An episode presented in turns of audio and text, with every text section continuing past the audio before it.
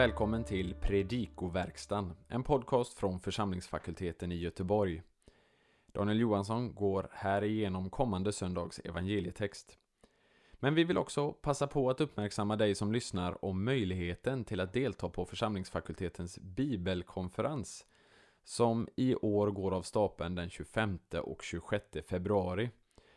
Konferensen har temat Fadern och är ett led i det tema som påbörjades med konferensen om Treenheten som vi hade förra året, 2021. Men förutom det så uppmärksammar vi också David Hedegård. Medverkar gör bland annat Bruno Frandell som har skrivit sin doktorsavhandling om just David Hedegård. Besök gärna vår hemsida www.ffg.se där du kan finna mer information om denna bibelkonferens. Men nu en genomgång av kommande söndags evangelietext. Vi önskar dig en god lyssning. Andra årgångens evangelium för fastlagssöndagen är Johannes 12, 20-33. Den här texten har inga större översättningssvårigheter. Vi ska nöja oss med att kommentera fyra saker. I vers 23 möter satsen Leelithen hehora hinna doxaste hohios to anthropo. Hinna, eh, som ju oftast uttrycker syfte, har här förmodligen en exegetisk funktion. Eh, den uttrycker eh, nämligen vad det innebär att stunden har kommit. Nämligen att Människosonen ska förhärligas. Alternativt kan hinna-satsen motsvara en temporal sats där hinna ersätter hotti. Och det är så de svenska översättningarna förstått satsen. När de översätter stunden har kommit då Människosonen ska förhärligas. I vers 27 eh, citeras Saltaren 6.4 Nyn hepsychemo tetar aktai. Verbet tetar aktai eh, är perfekt passivum eh, men har presens betydelse. Och därför översättningen nu är min själ upprörd. Själen har blivit och är upprörd. I vers 33 eh, brukar kago i an hypsosto ektes ges översättas och när jag blir upphöjd. Men en mer ordagrann översättning är och om jag blir upphöjd ska jag dra alla till mig. Vi har faktiskt en villkorsbisats som talar om villkoret för att Jesus ska dra alla till sig, det vill säga att han måste bli upphöjd. Eftersom sammanhanget talar för att den upphöjelsen kommer att ske översätter de flesta med när istället för om. Och den här saken återspeglas faktiskt i handskriftstraditionen där varianten hottan när eh, finns representerad. Och till sist en kommentar till presensparticipet semainon i vers 33. Det uttrycker syfte. Detta sade han för att tillkännage och så vidare. Avsnittet 12.20 50 ehm, eh, utgör avslutningen på den första delen av Johannes evangeliet som ofta kallas för tecknens bok. Det sista och kulminerande tecknet är uppväckandet av Lazarus. Efter det rider Jesus in i Jerusalem, eh, vilket är det sista han gör precis innan vårt textavsnitt. Söndagens evangelium är på samma gång en lidandes förutsägelse och en övergång till andra delen av evangeliet. Som det är det första tecknet på att hedningarnas tidsålder är på väg att träda in. Det är inte helt lätt att strukturera upp avsnittet eftersom nästan varje vers har sitt eget tema. Men man kan göra det på följande sätt möjligen. Först hedningar vill se Jesus. Notera att de vill se honom. Eh, verserna 20 till 22. Den andra delen, Jesus är vetekornet som faller i jorden för att bära rik frukt. Verserna 23 till 26. Och den tredje stunden är inne och Jesus anger sättet på vilket han ska dö 27 till och med 33. Grekerna som omnämns och som triggar den undervisning som följer behöver inte nödvändigtvis komma från själva Grekland. Beteckningen användes allmänt om de som var grekisktalande hellenister. De skulle till och med kunnat komma från Dekapolisområdet uppe i nordost eh, där man var grekisktalande. Eh, troligtvis var de här så kallade gudfruktiga hedningar, eh, hedningar som var attraherade av den judiska tron men som inte tagit steget fullt ut och låtit omskära sig. Våra källor visar att man kunde närma sig den judiska tron på ganska många olika sätt. Allt ifrån en allmän beundran inför judendomen till att man gick hela vägen och formellt konverterade.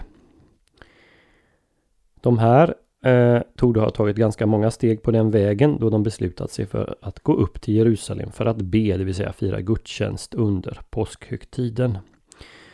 Som hedningar fick de komma in på hedningarnas förgård på tempelområdet men inte längre.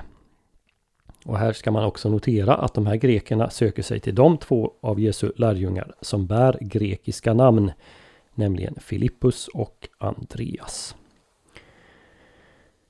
Filippus och Andreas rapport till Jesus om de här grekerna som vill se Jesus eh, leder till en veritabel flod av viktiga Jesusord.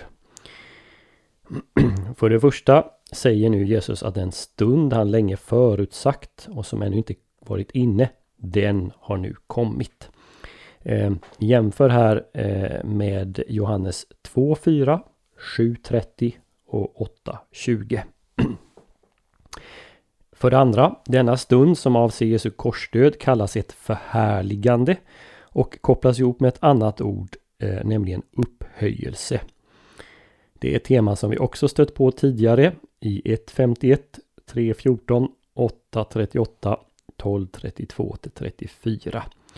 Och om någon nu inte skulle kunna hinna med så har jag listat de här ställena i pdfen till den här podden på FFGs hemsida. Här finns också med all sannolikhet en anspelning på Jesaja 52.13 där Herren tjänare blir både upphöjd och förhärligad. Samma verb, doxatso, förhärliga, ära, används både här och i Septuaginta 52.13 av Jesaja. Tredje saken det är att Jesus beskriver sin död med bilden av en vetesådd. Denna bild måste läggas till de mer vanliga beskrivningarna av Jesu död som ett offer, ett friköpande, en försoning och en kampseger över ondskan. Det sista temat är för övrigt ett tema som tas upp i våra verser eh, i vers 31 när Jesus säger att den här världens furste nu ska kastas ut. Det fjärde är att vi möter här en undervisning om efterföljelse som är i stort sett identisk med den i till exempel Markus 8, 31 och framåt.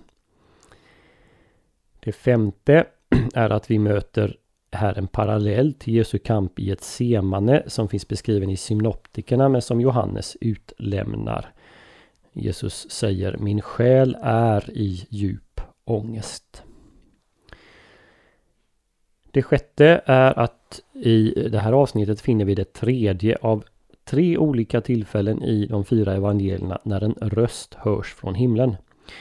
Vi läser om det i samband med Jesu dop, eh, på förklaringsberget och så här som ett svar på Jesu ångest och bön till Fadern att han ska göra sitt namn härligt. Och den sjunde och sista saken vi noterar det är att Johannes här till slut avslöja vad Jesus tidigare i evangeliet menat när han har talat om att han ska bli upphöjd.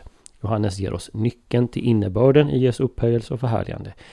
Det avser hans död, skriver evangelisten i vers 33. Eh, vad gäller Jesu ord i vers 27 mm, förekommer lite diskussion om hur man ska förstå Jesu fråga. Eh, vad ska jag säga? En del menar att man ska förstå frågan som en verklig fråga och att det som sen följer är en bön från Jesus sida om att han ska bli räddad. Vad ska jag säga? Fräls mig från denna stund. Andra menar att Jesus ställer en hypotetisk fråga om vad han skulle kunna be om, så som både folkbibeln och Bibel 2000 översätter. Skall jag be Fader rädda mig undan denna stund? Verbformen som är konjunktiv eh, i frasen kai ti eipo eh, och det starkt adversativa alla eh, är saker som båda talar för den senare översättningen så som Folkbibeln och Bibel 2000 översatt. Det allra sista vi lägger märke till den här gången det är folkets reaktion på rösten som hörs från himlen. En del tror att de hör åskan, andra en ängel. Och Jesus å sin sida säger att rösten hördes för folkets skull. Folkets respons är typisk för människor alla tider, då som nu. En del är döva för det som sägs och hör bara muller. Andra hör lite mer, men kan bara sträcka sig till att uppfatta en ängels röst. Andra åter hör att Jesus blir upphöjd för deras skull, för att han ska kunna dra dem till sig och göra dem till Guds barn, för att tala med de ord som står i Johannes 1.12. Så hoppas vi att denna genomgång får bli till hjälp och välsignelse för dig som har lyssnat. På vår hemsida www.ffg.se kan du hitta information om hur du kan stödja fakultetens arbete, bland annat som genom den här podcasten. Ett sätt att stödja är att skänka en gåva genom Swish.